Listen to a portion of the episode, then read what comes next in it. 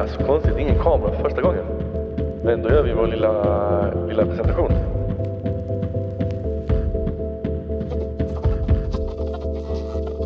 Välkomna till podcasten Hetisproffs. Jag heter Hamza Aftoni och som ni vet, jag slösar aldrig tid. Och jag säger alltid att jag inte slösar tid, vilket jag inte förstår varför, för ni vet om det. Men dagens gäst, ingen mindre än en eh, legendar i mina ögon. En som har växt upp med i rutan och kollat på honom och hans analyser och kommentarer. Det är sportjournalisten Jesper Husfeldt. Stort tack. Egentligen brukar jag säga välkommen hit, men nu är jag välkommen till dig. Ja, ni är varmt välkomna ni två hem till mig i Sigtuna. Vi sitter just nu vid mitt köksbord här, uppe på Harberget. Mm. Jag måste säga att jag hade inte haft något problem att, bo här på heltid. Nej, men det är inte du som betalar amorteringarna heller. Nej, vill, jag ens veta? Vill jag ens veta? Jag tror inte det. Hur är läget med dig? Helt underbart. Eh, livet är som en dröm ska jag vilja säga, Mm. just nu. Och eh, Det här är en extremt fin dag, en fin vårdag. Solen skiner, frugan är hemma, hon mår bra. Ingen i släkten som jag vet far illa eller är sjuk, så att, eh, ja, härliga känslor. Du har precis eh, kommit hem från Spanien. De som följer din resa vet ju om att det finns lite paddelådror lite här och där. Var det en, en paddelresa som var på gång eller? Alltså det blev lite paddel. Eh, precis innan den här resan så hade jag, tror jag, haft den där rackarns omikronen. Så när jag landade var jag inte riktigt fit for fight heller. Det var sån här nattflight. Eh, tror jag var i lägenheten halv fyra på morgonen. Fick inte ut hyrbilen, strul med den. Så det blev taxi och sen faktiskt en liten avstämning med en bankperson precis när jag vaknade och sen full fart ut till paddelarenan och efter den där matchen ett par iskalla bärs i solen. Men Skönt. det var skönt, men du vet, jag var så paj efter den där flygresan. Det var ingen skön känsla i kroppen efter sjukdomen heller. Så det här var väl inte någon av de roligaste resorna till Spanien. Jag skulle rensa ut en lägenhet där nere som, som är är på väg att säljas. Så lite mindre paddel den här gången. Du är med i en podcast som heter Heltidsproffs.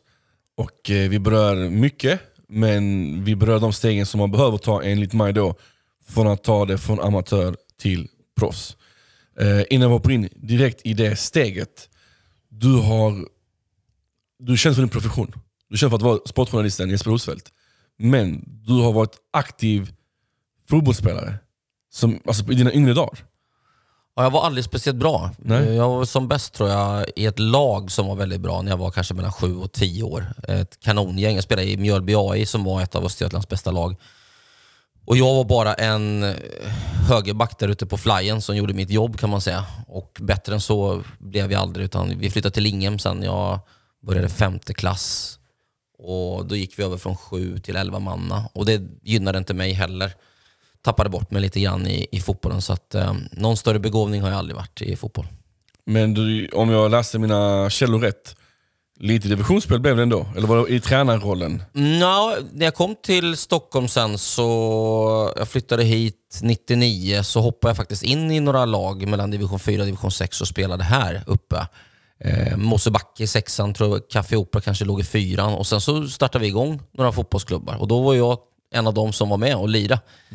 Så att Andrea Doria kickade igång i Korpen i mitten på 00-talet och eh, sen så startade jag, eh, initiativtagare i alla fall, till en fotbollsklubb som nu mera ligger i sjuan igen som heter San Pierre d'Arenese. Så jag har aldrig spelat högre än eh, division 4 utan mest fart runt i de här lägre regionerna. Vad var det som saknades för att du skulle kunna ta det steget? För Vad, att, ha- vad hade jag? Nej, men jag var egentligen bara bra på små ytor. Finurlig, du vet, eh, bra teknik och en fint typ. Eh, eh, så att jag hade nästan ingenting. Dåligt tillslag, säkert för långsam på både långa och korta. Ja, korta sträckor hyfsat sådär. Men sen så tog det väldigt lång tid tycker jag att utveckla speluppfattningen. Alla alldeles för individuell på fotbollsplanen. Man ser ju idag liksom hur, hur tidigt spelarna, de bra spelarna har blicken uppe. Hur lugna, eh, duktiga spelare är. Eh, Så att eh, Viljot i Hammarby där, som är en ung kille som jag tror mycket på, hoppas mycket på. Svedberg va?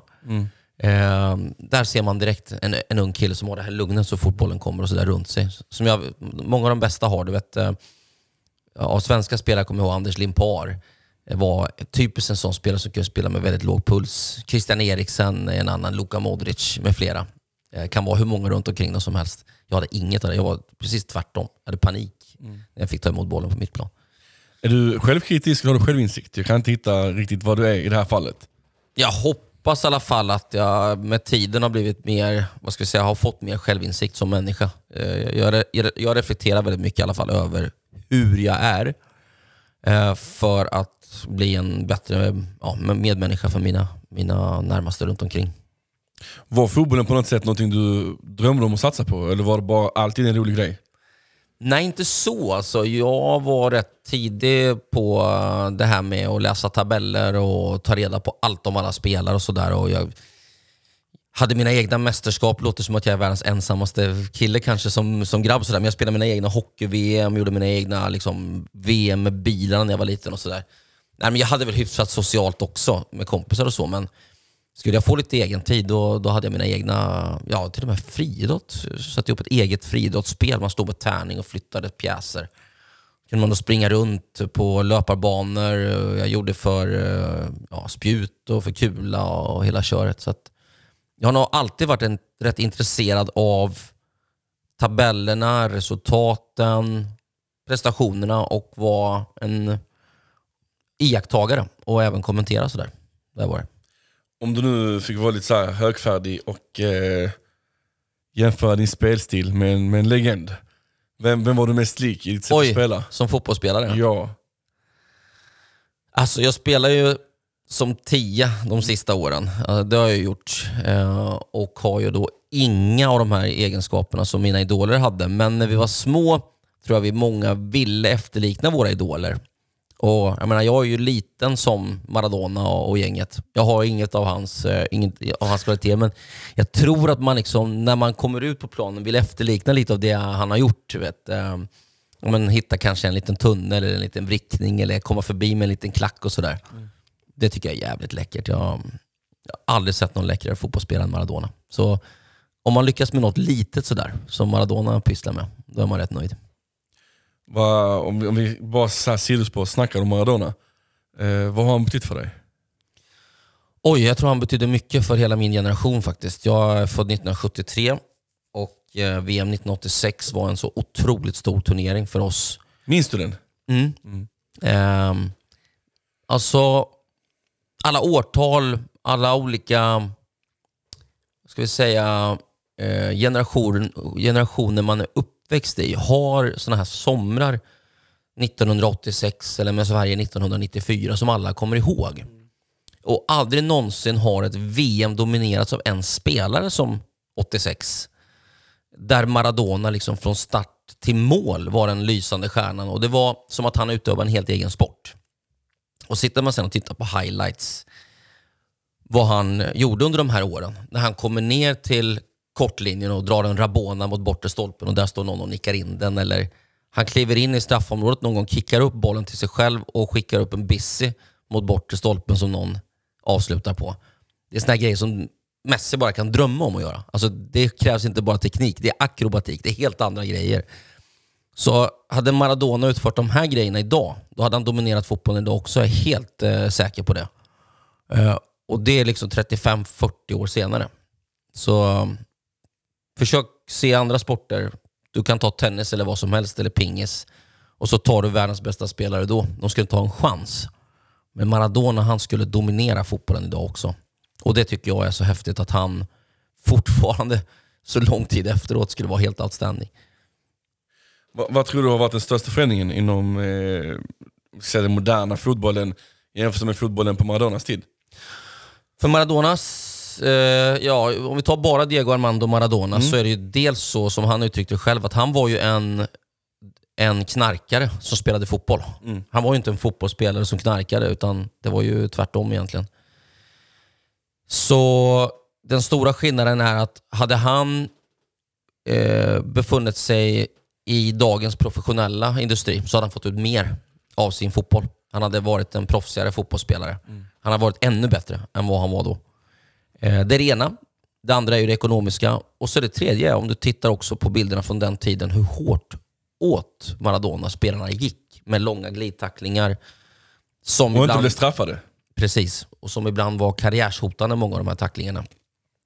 Eh, Det han var tvungen att göra på 80-talet var att på ett annat sätt värja sig för de tacklingarna. Nästan dansa fram, hoppa fram. Eh, För att de kom från alla håll som knivar och högg mot fötterna på honom. Så att spelarna behöver inte på samma sätt värja sig idag. Men Maradona, titta på bilder ska ni få se, så får ni se hur han på ett helt annat sätt måste värja sig hela vägen fram innan han släpper iväg en assist och sådär. Och han hade också mycket småskador. Jag tror, att, jag tror inte han hade haft eh, alls samma problem med småskador om han hade spelat idag. Mm. Ni som lyssnar, det här är anledningen för Jesper Rosfeldt var en, är en legendar. För att de här analyserna fick man ändå höra i tv-rutan ganska ofta, liksom så, när du fick möjligheten. Eh, men den här podden heter som sagt Heltidsproffs och jag har lite lappar som jag alltid har med mig. Ja, Som jag bara lägger ner så här framför. Och lite, så lite rubriker, ämnen som vi går in i för att lära känna dig helt enkelt. Så man bara drar en lapp och så snackar man om den rubriken som vi landar på. och du har klippt dem lite olika. Ja, jag vet. Lite... eh, Tack för att du uppmärksammade det. Men då Eh, blir man lite sugen på den här smala lappen. Ta den smala lappen, Ja. vad står det där? Amatör till proffs. Perfekt, det är det podden handlar om. Mm. Du är en sportjournalist. Ja. Eh, när tog du steget från att vara amatör till proffs? Är frågan helt enkelt. Ja, det beror ju på hur man räknar då. För att eh, är man proffs, då får man ju betalt helt enkelt. Precis. Så lite proffs blev jag väl då 1993 när jag fick min första praktik på TV Linköping. Eh, hemma i Linköping. Och då fick jag det som ljudteknikerassistent. Jag tror det var sex månader till en början och det slutade väl med att det blev ett och ett halvt år innan jag blev inkallad i lumpen. Och då förlängdes den här praktiken, det var ganska lite pengar. Jag hade fått tag på någon lägenhet. Nej, jag bodde hemma hos morsan då tror jag. Och sen fick jag tag på en lägenhet inne i stan. Ja. Eh, och eh, efter ett tag så tröttnade jag på det där med ljudtekniker, assistentyrket. Eh, så jag började göra mina egna sportprogram. Jag började tillsammans med ett par eh, balla kollegor göra ungdomsprogram som sändes varje fredagkväll, fullständigt galna. Hette Tilt. Så ett par Vad dagar... sändes detta? Eh, Var- på TV Linköping, en, lo- Okej, en ja. lokal kanal på den tiden. då.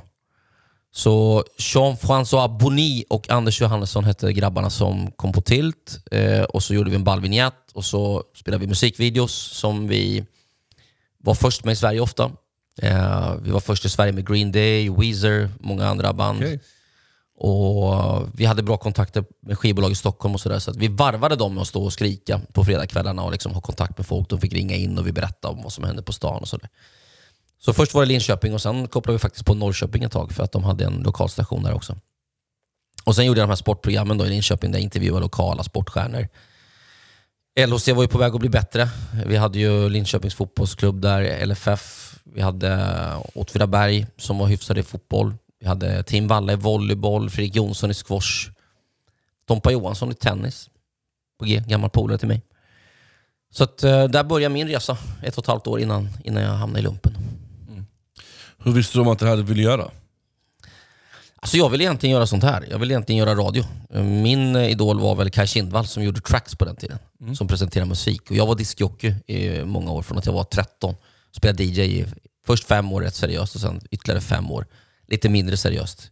Men un, ungefär tio år på min lediga tid. Då. Ehm, så, så, jag tyckte det var kul att presentera musik, snacka musik, göra musiklistor och sådär.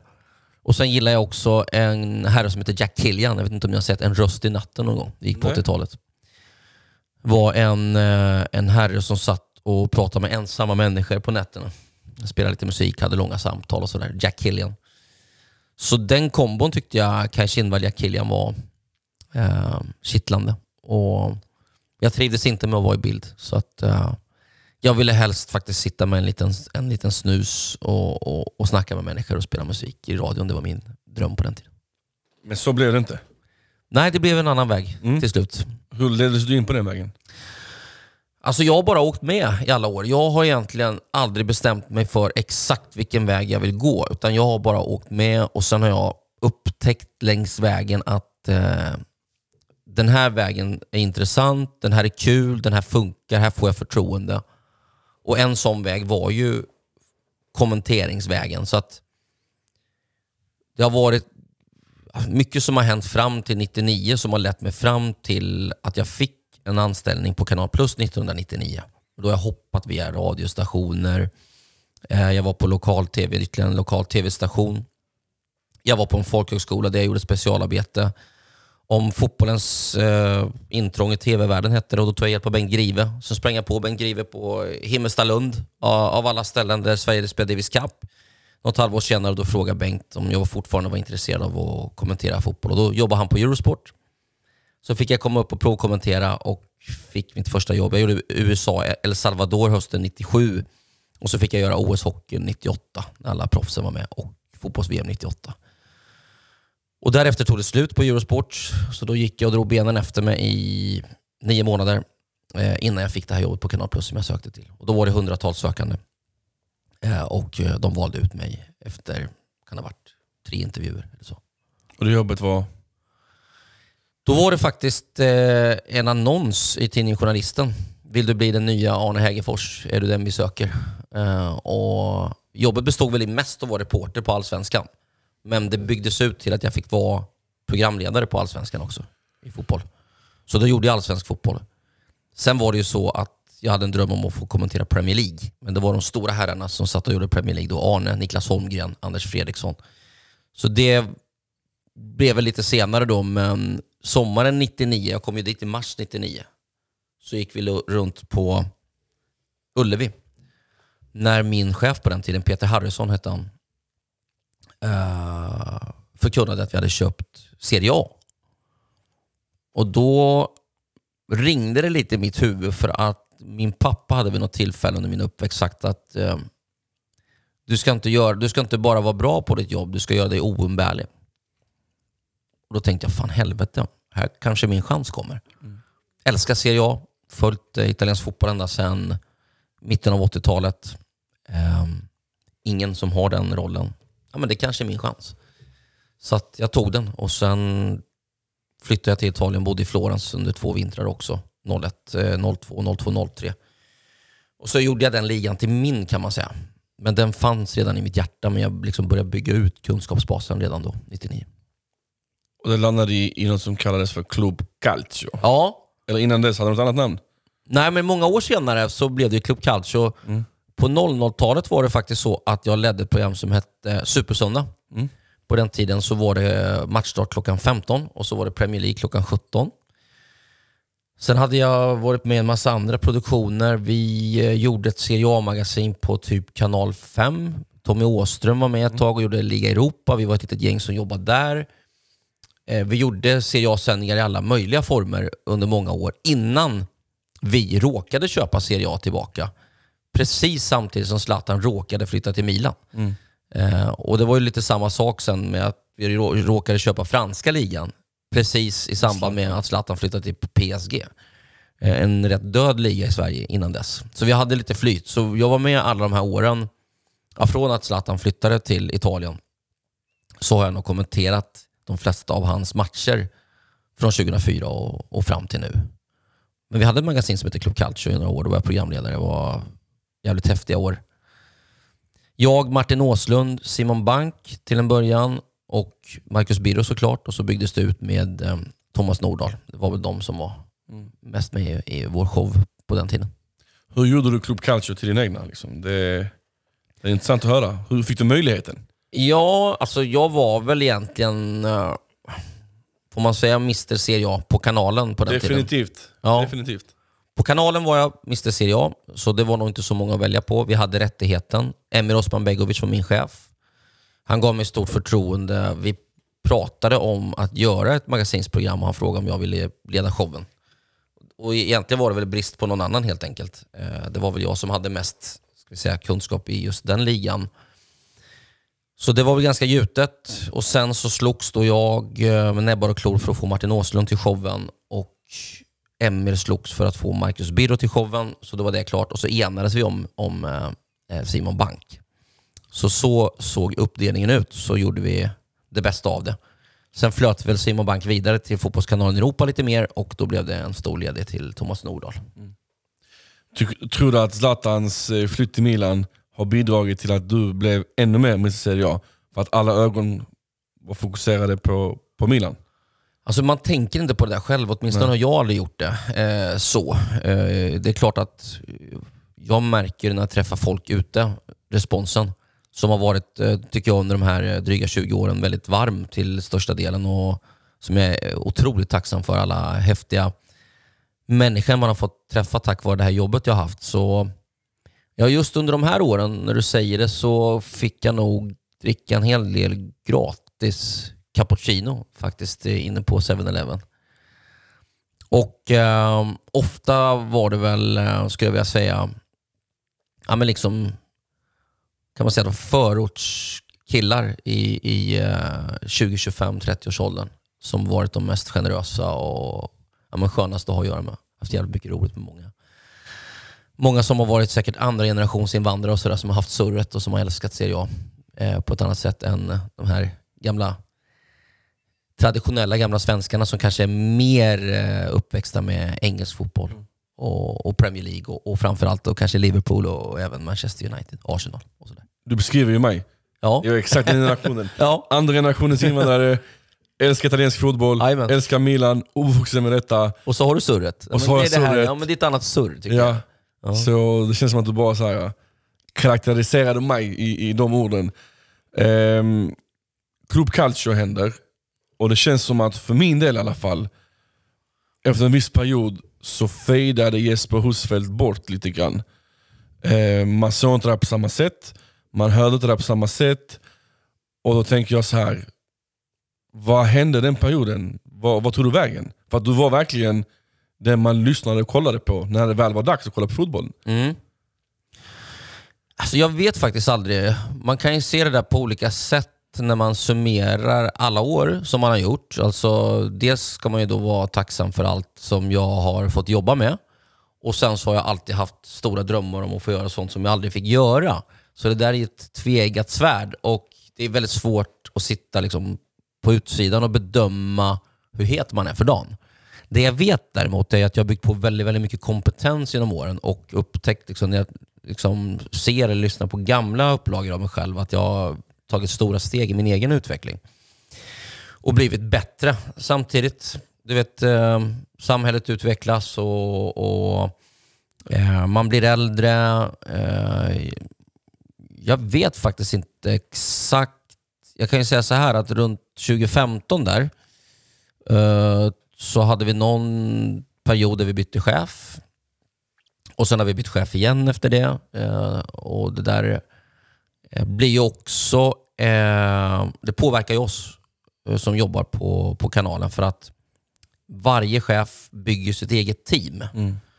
Eh, Och ibland är man ju med i det teamet. Då, eh, om jag var Mats Taxén-teamet, då kanske då på Kanal Plus och sen Emir Osman Begovic kanske på fyran i början och så kom det ett par chefer till.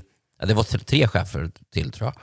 Eh, och då vill ju de också göra, göra ett statement och bygga sitt lag annorlunda och på sitt sätt och sådär. Då, då kan man få en drömroll eller så kan man få en, en eh, roll ute på flyen och sådär. Och ibland vet man inte riktigt.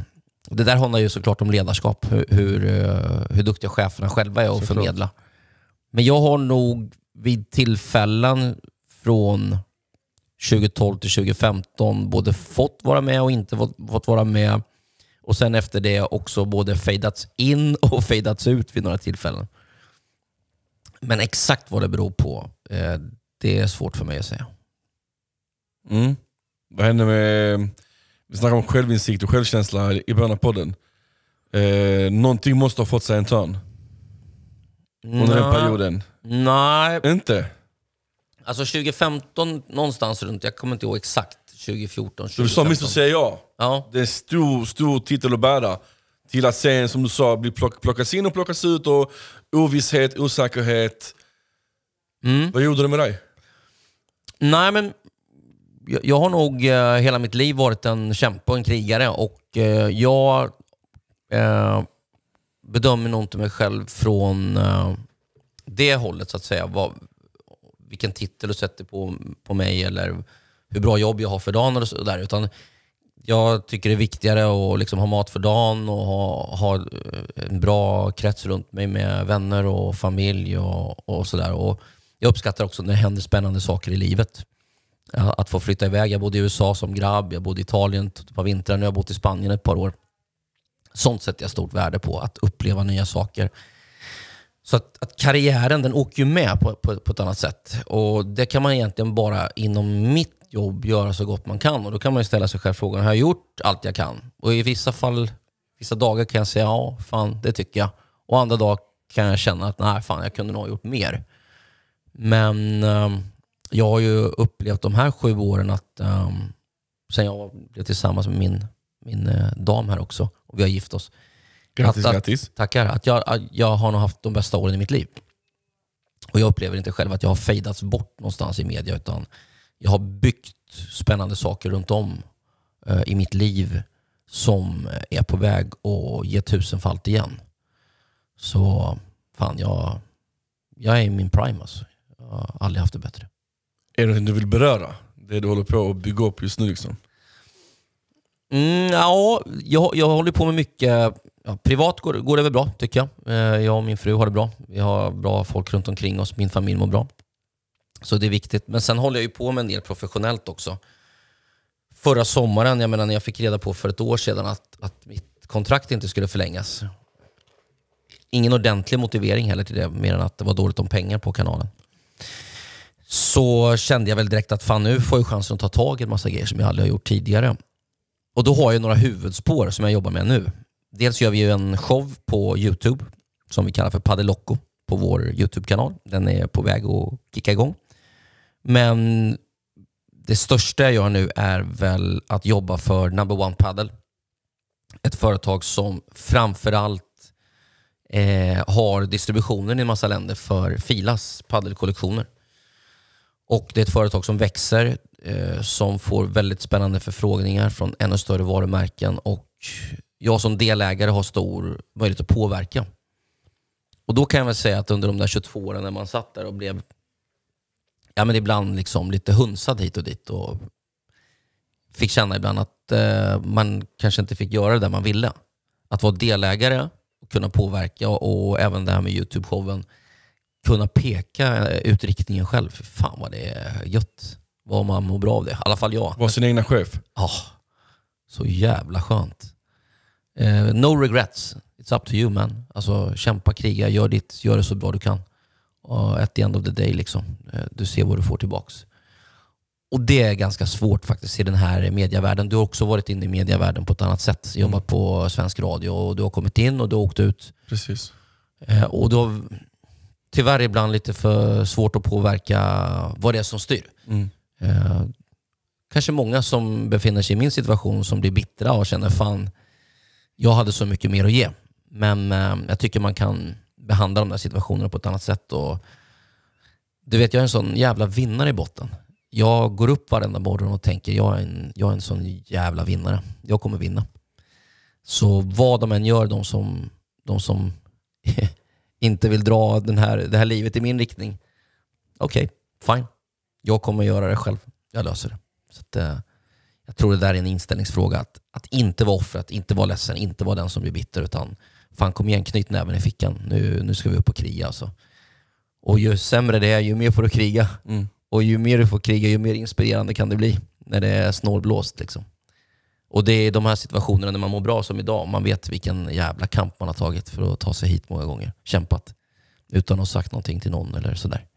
Man har bara liksom blundat och känt att det har pinats i ansiktet. Men kämpat vidare steg för steg. Så det är inspirerande tycker jag. Motgångar inspirerar också. Har du någon särskild mot, vi alla har någon särskild motgång som man känner att det här var någon form av breaking point. Att nu kommer jag aldrig sätta mig själv i den här situationen igen. Ja, men jag, alltså, redan, redan som grabb när jag var liten eh, så kände jag väl redan från början att jag hade ett starkt förtroende från mamma. Eh, hon sa vid något tillfälle att du, du kommer kunna bli precis vad du vill.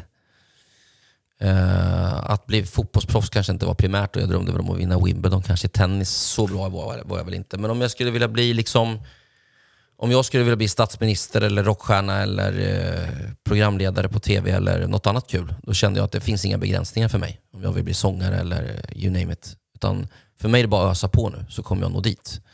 Så den typen av självförtroende har jag alltid haft. Samtidigt så tyckte jag också att jag fick flytta, flytta runt på en massa olika adresser när jag var liten. Och liksom bygga en ny crowd runt omkring mig. Och det, var, det är ganska tufft för ett barn, i alla fall var det det för mig.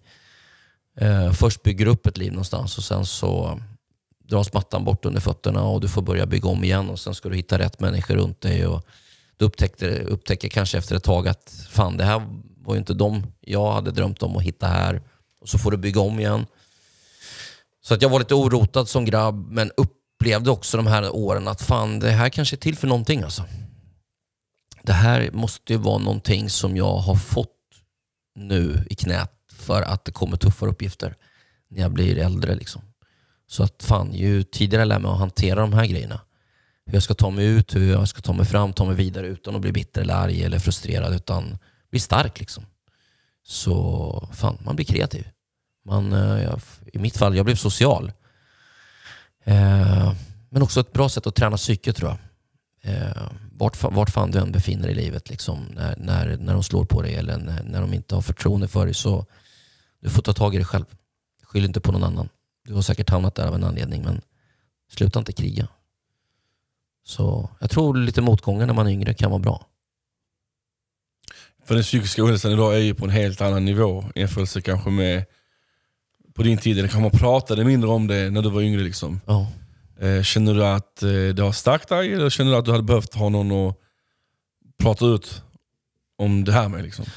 Ja, men jag har redan gått i terapi i flera år. Eh, jag behövde göra det någonstans runt, eh, ja, för tio år sedan. Så, så hade jag några dagar då jag inte riktigt kände igen mig själv mellan jul och nyår.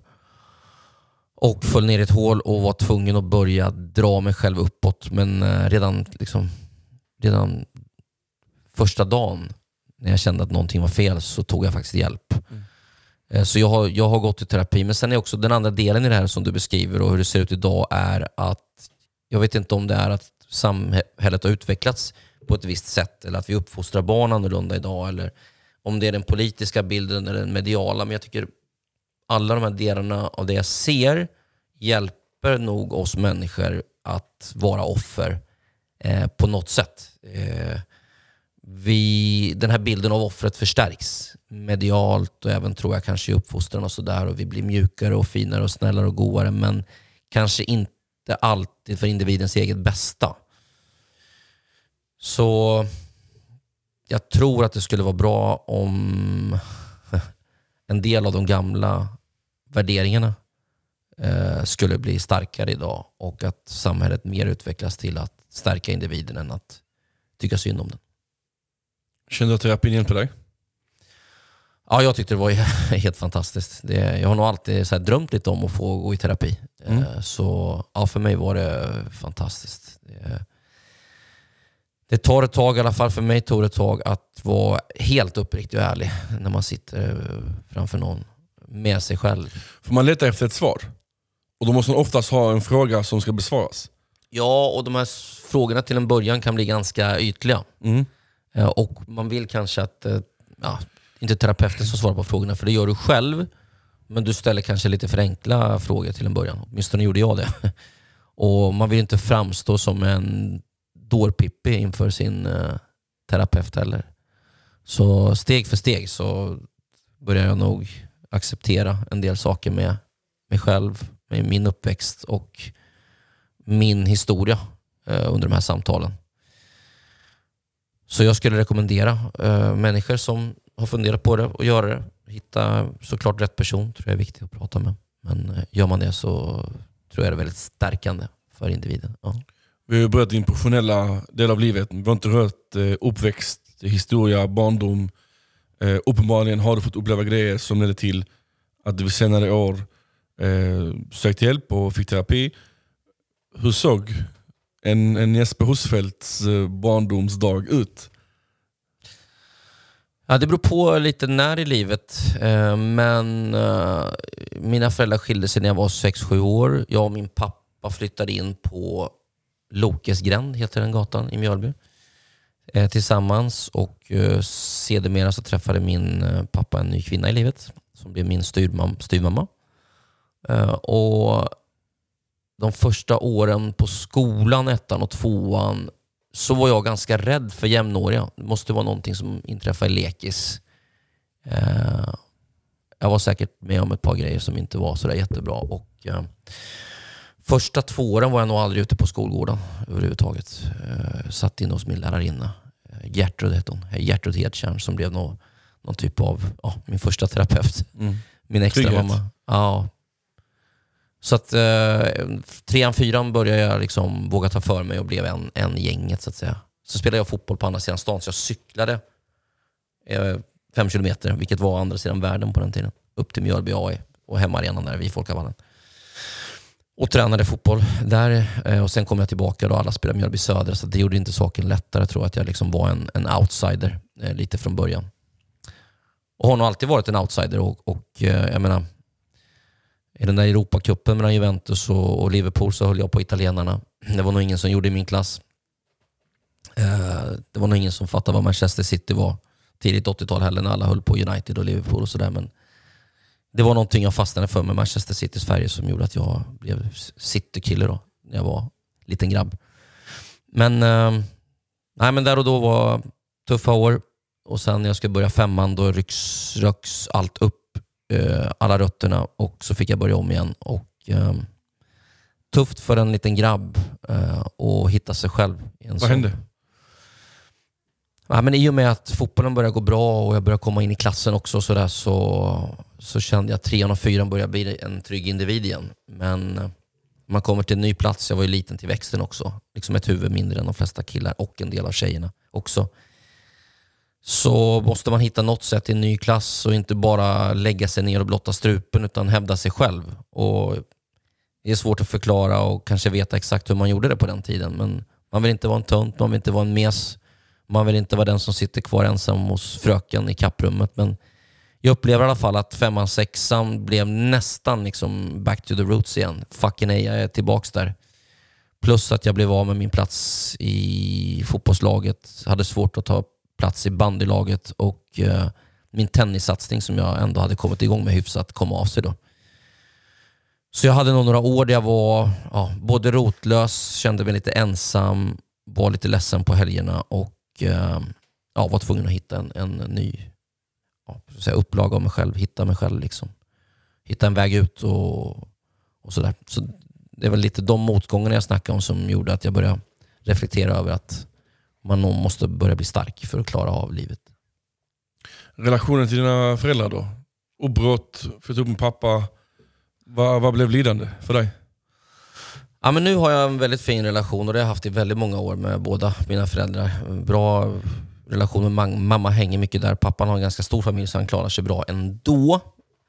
Eh, Men vi umgås en del också och jag har rest runt med dem mycket i framförallt Europa. Tittat på fotboll och de har varit med mig på matcher och, och sådär. Och mamma har hängt med mig till Spanien och lite överallt. Så vi har umgåtts väldigt mycket och vi har en fin relation. Så den, den relationen tycker jag med båda mina föräldrar är eh, bra. Ehm, så att, ehm, de åren blev inte, har inte gjort mitt familjeäventyr lidande kan man säga. Ehm, tillbaka till fotbollen, för jag tänkte ställa frågan innan. Är det någon specifik match du aldrig kommer glömma som du har kommenterat?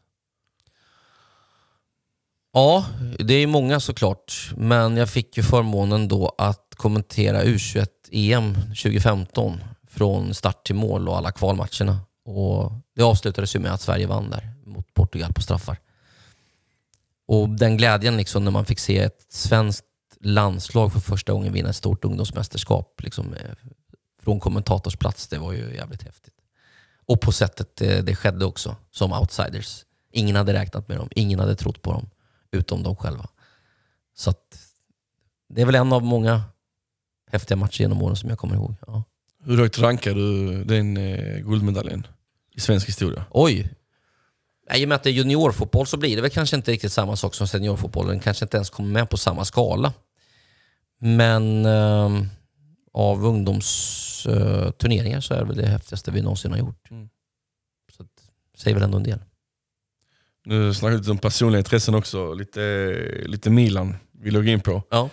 Eh, det ryktas som att vi är Milanbröder, liksom, att du också har Milan-ådran i hjärtat, eller? Nej, jag har aldrig haft något lag som jag har sympatiserat med fullt ut i Italien. Mm. Däremot har jag tyckt om lag vid olika tidpunkter och sådär. Eh, väldigt, väldigt svag för, som jag sa, då, Juventus i finalen mot Liverpool. Hade något år när jag tyckte Napoli var världens coolaste gäng när Maradona gick dit. Eh, Milan gillade jag från 87 och fram till, säg någonstans 93-94 under de här guldåren. Tyckte det var hur läckert som helst. Och framförallt för karaktärerna i laget. Eh, de hade så jävla häftigt lag, så då var Milan favoritlag. Sen var det nog lite blankt faktiskt i några år innan jag tog eh, Svennis Lazio till mitt hjärta, som de flesta svenskar gör. Och hade som favoritlag fram tills Kievo av alla jävla gäng. Eh, slog igenom i Serie A och hade dem som lite av ett favoritlag ett par år. Och sen har jag nu när jag jobbat med italiensk fotboll så många år alltid vurmat lite extra för italienska klubbar i Europa. Och då har ju Milan haft en upplaga där mellan framförallt 03 och 07 som spelar tre finaler som jag klart kände lite extra för. Framförallt Andrea Pirlo som är en av mina favoritspelare genom alla tider. Men det är också så att jag har uh, hållit på Juventus och, och uh, Inter och, och Roma och, och sådär när de har spelat i, i Italien. S- Sen ska jag tillägga, jag bodde ju i Florens och hade Fiorentina som hemmaklubb så det är klart att de blev lite extra. Men det jag kan säga om Milan då, det, och det, det har jag sagt tidigare för många, många år sedan, var ju att det var ju den klubben som i alla fall under Silvio Berlusconi var bäst på att ta hand om oss journalister. Vi rörde oss ju helt fritt eh, där inne på Milanello. Först en kalaskaffe, en barista, gammal gentleman, liksom, traditionell italiensk, varma koppen, den där lilla heta, världens bästa espresso. Och sen gick vi runt och navigerade helt fritt mellan Alessandro Nesta och Paolo Maldini och Ja. Kaká och kompani. Och där tycker jag liksom att Milan visade någonting som klubb som jag blev väldigt varm för och som jag tyckte var så jävla läckert. Jag tror att Jennifer Wegerup och Andreas Wanberg med flera kan bevittna att Milan tog hand om människor. Eh, när vi var på andra anläggningar så blev vi ju... Ja, det känns som att vi, vi hanterade som boskap ibland. Ja, men stå bakom den linjen, rör dig inte där, packa ihop er där. Kan man få en kaffe? Ja, du kan få här i en plastmugg. Eh, håll tyst och, och, och liksom gör som vi säger. Så, eh, ja. Okej, vi är ett journalistpack, men eh, Milan var de som behandlade folk bäst, det tycker jag. Av ren nyfikenhet, har du någon Milan memorabilia? Några minnen sådär eller? Nej men alltså fysiska, från, från den tiden du var där? Du menar kort och sådana här Kort, saker? signerad tröja, någonting, något sånt? Osäker på det. Jag var ju med Jeppe Blomqvist in när han var Mm. tillbaka där. Och då blev vi omhändertagna av först Ancelotti. Ja, det är sjukt. som tog hand om Jeppe och var liksom såhär, fan grande Jeppe du är tillbaks. Eh, Han hade ju Ancelotti som tränare i Parma. Och det märktes att Ancelotti han hade sån respekt och kärlek för Jeppe. Och han var så älskad av personalen där. Kockarna och planskötarna och sådär. Som var överlyckliga att han var tillbaks. Och sen så var det ju så att både Paolo Maldini som han hade spelat med, men även Kaká liksom, som kände till Jeppe mycket och sådär. De var ju framme och Ambrosini och alla erbjöd ju att springa in och fixa en, en signerad tröja. Så jag tror att de tre spelarna löste nog, jag tror faktiskt att Ambrosini löste nog Maldini och Kaká åt Jeppe. Eh, Så han, har ju med, han hade ju med sig dem hem. Men sen så käkade vi lunch också tillsammans med Paolo Maldini, Clarence Seedorf och Gennaro Gattuso. Det här är bättre än porr vill jag bara säga. Ja, ja det, det var läckert.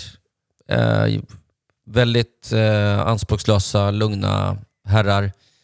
Paolo Maldini som aldrig har druckit alkohol berättade att han var helt galen i Coca-Cola och glass som ett litet barn. Liksom.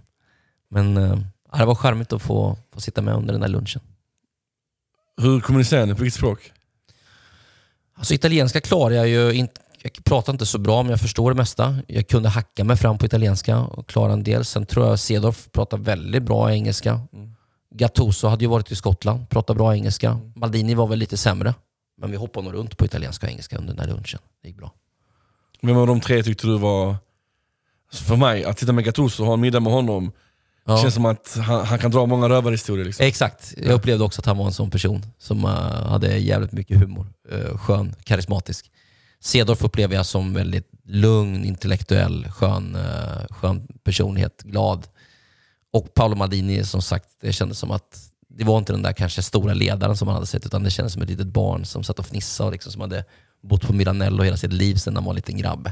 Och blivit omhändertagen. Han är säkert en helt annan man idag, men fan, det var ju ändå Paolo Maldini. Man hade ju sin respekt för honom ändå. Såklart, såklart. Eh, vi kör inte den här podden visuellt längre. Vi kör bara med ljud. Och de som lyssnar vet inte om att till din vänstra sida och min högra sida har en skärm rullat med, med paddel i bakgrunden. Ja. Eh, och du är starkt involverad i paddel-Sverige, Mm. mer än vad man kan tro. Mm. Eh, du berättade lite kort när vi kom in höll på det igår på att du var en av de första i Sverige som var med och startade en bana. Ja, precis. Vi började spela 2012. Eh, det var faktiskt så att Max Martin dök upp vid något tillfälle. Zlatan var också med någon gång när vi spelade ute i Jungfrusund där ute. Vi var ett, Alexander Kronlund var med och spelade mycket, som sitter i Idoljuryn. Så vi var ett gäng som lirade där ofta och eh, vi tyckte det var så jävla kul så vi, vi eh, ville egentligen bygga en anläggning, en arena, eh, redan 2013. Men vi, fick- vi fick faktiskt lite hjälp av Salk att bygga en arena. Nu blev det Salk som tog över den arenan, eller den... Tennisklubb i Stockholm. Ja, och de byggde den ute i Riksby. Men det var vi som var initiativtagare till den, till den banan. 2013 började vi tror jag, 2014 blev den klar. Så vi var tidigt på det. Sen har jag varit med och tagit World Padel Tour till Sverige, första tävlingen. Var i Madrid och kom överens med eh, spanjorerna om att ta första tävlingen till Sverige 2018. Mm. Har drivit en podd i ett par år som heter Padel Mono som har rullat på. Varit ganska bra. Producerar och kommenterar Eurofrance Invitational på Simor. Och sen gör jag väl ja, en, ett, ett helt gäng andra grejer. Förutom min paddelshow då gör jag en hel del andra grejer inom paddel som jag tycker är kul. Mm. Hur, hur kom ni in på det spåret? Hur visste du om att padel skulle bli the shit? Eller visste ni om det? Ja, men Jag var helt galen i tennis när jag var liten. Jag, var, jag älskar tennis. Jag spelar mycket tennis och på somrarna spelade jag med Tompa Johansson som, som sen vann och Australian Open i singel 2002. Slog Marat Safin där i final som lite underdog. Tompa har jag bra kontakt med fortfarande, men jag har alltid älskat tennis så mycket och när jag såg padel första gången och fick uppleva padel, det var så fruktansvärt jävla roligt. Så att, eh, det tog över hela mitt liv och, och sen dess, sen tio år tillbaks, så jag spelar gärna padel dygnet runt eh, när jag inte sover. Uppskattningsvis, hur mycket pengar har du lagt på padel? Uff. För det är en accessoarsport. Du, jag har nog tjänat mycket mer än vad jag har förlorat. Jag har nog tjänat miljoner på padel redan. Eh, Så det har inte kostat mig någonting. Jag har sett till och, och ja, de här torerna och podden och lite annat att dra in pengar på, på padel istället. Och mycket mer kommer det bli. Ska vi, ska vi så bli bästa vänner med Jesper efter detta? Typ, så vi kan tjäna miljoner tillsammans kanske? Jag får inte. Absolut. Jag tror på er boys. Kul att ni är igång. Är det sant? Ja.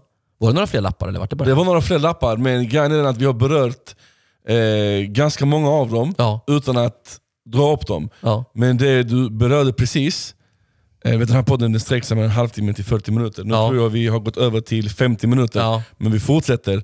Och du berörde den lite, Pengar och deals. pengar och deals. Ja. Hur fan kommer man i kontakt med World Padel Tour och låser en sån deal? Ja, det är lite spännande. Det jag kan säga som skiljer mig från många i min kategori, om man säger så, om vi räknar mig som sportjournalist, är att jag har rört mig i helt andra sfärer. Jag har rört mig så otroligt brett och djupt i, i andra kretsar än journalistkretsar. Och det har gett mig kontakter över hela, ja, över hela världen. Eh, på ett annat sätt tror jag, än om man bara umgås med, med sitt lilla gäng. Så att eh, en del av de här kontakterna eh, har varit mindre bra. Och i det här fallet så var det ju en häftig resa åtminstone med de här killarna jag träffade på en golfbana i Marbella. Okej. Kompisar än idag. Och det ledde till att... Ja, när de eh, fick den här idén med World Padel Tour så tänkte de fan Husfeldt måste vara med. Eh, Så att eh, vi... Så de, de som grundade World Padel Tour från allra, allra början? Den, nej, svenska. Svenska, Svenska, den, svenska okej, World ja. Tour. Mm. Som tog World Padel Tour till Sverige. John Brolin, Patrik Rittfeldt, Örjan Olsson hette de tre som spelade golf för mig den där dagen.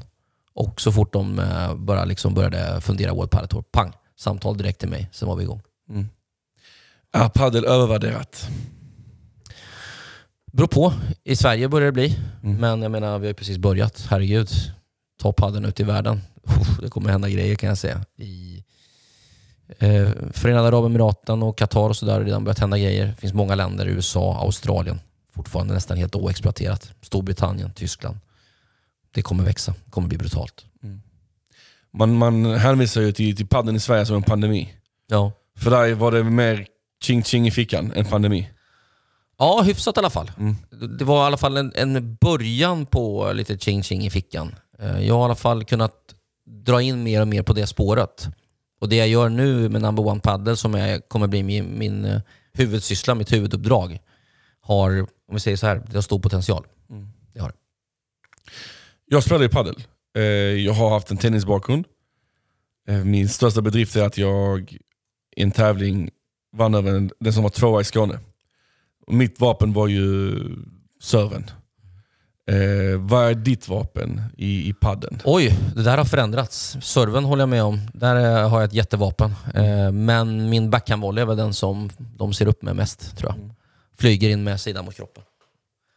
Sen hade man ju Stefan Edberg som idol, så att, eh, det är klart, kan man emulera honom lite då, vem man, då har man ju något. Hur aktiv är du rent spelmässigt idag? Hur jag aktiverar mig? Ja, hur aktiv är du rent Ja. spelmässigt med padden? Alltså jag, de, under de här tio åren, jag har ju spelat egentligen, för lite. Eh, spelar man tre dagar i veckan så går man framåt tycker jag. Spelar man en till två som jag gör, då ligger man kvar ungefär på samma nivå. Ja. Men adderar man då tränare till och börjar förstå så att säga, hur man kan förbättra sina slag, ja, då kan man ändå gå lite framåt. Men att, ja, jag har ju utvecklats ganska bra sista två åren, har jag gjort. Men jag borde vara mycket, mycket bättre tycker jag. Var är du någonstans divisionmässigt? Kan inte divisioner så bra, men att spela andra kategori i Spanien, det kan, Det är bra. det kan jag göra. Absolut. Eh, jag kanske inte är en stjärna i tredje divisionen, lite beroende på vem jag spelar med. Men får jag en bra partner och spelar andra division, då klarar jag mig hyfsat. Mm. Ja. Om du ska döma mig, vad, vad, vilken division spelar jag? Vad jag tänker- gissar? Ja, i Sverige-nivå. Liksom, så här. Du är gammal tenniskille sa du va? Ja. Ja. Och du är aktiv och du håller igång här med podden och du är framåt och liksom eh, sådär. Ja. De kallar mig för Kung Fu Panda. ja. Eh, jävligt svår, svårbedömd alltså. Skulle väl, ja men, får man gissa att du är en tredje kategori spelare i Spanien? Jag, vet inte, i Spanien, jag har aldrig testat att spela i Spanien, Nej. men i, i Sverige, Svensk C-klass då? där är jag. Ja. Mm. Ja. Bra gissat. Ja. Härligt. Ja. Det har varit skitkul Ja. att få spela padel med dig. Ja.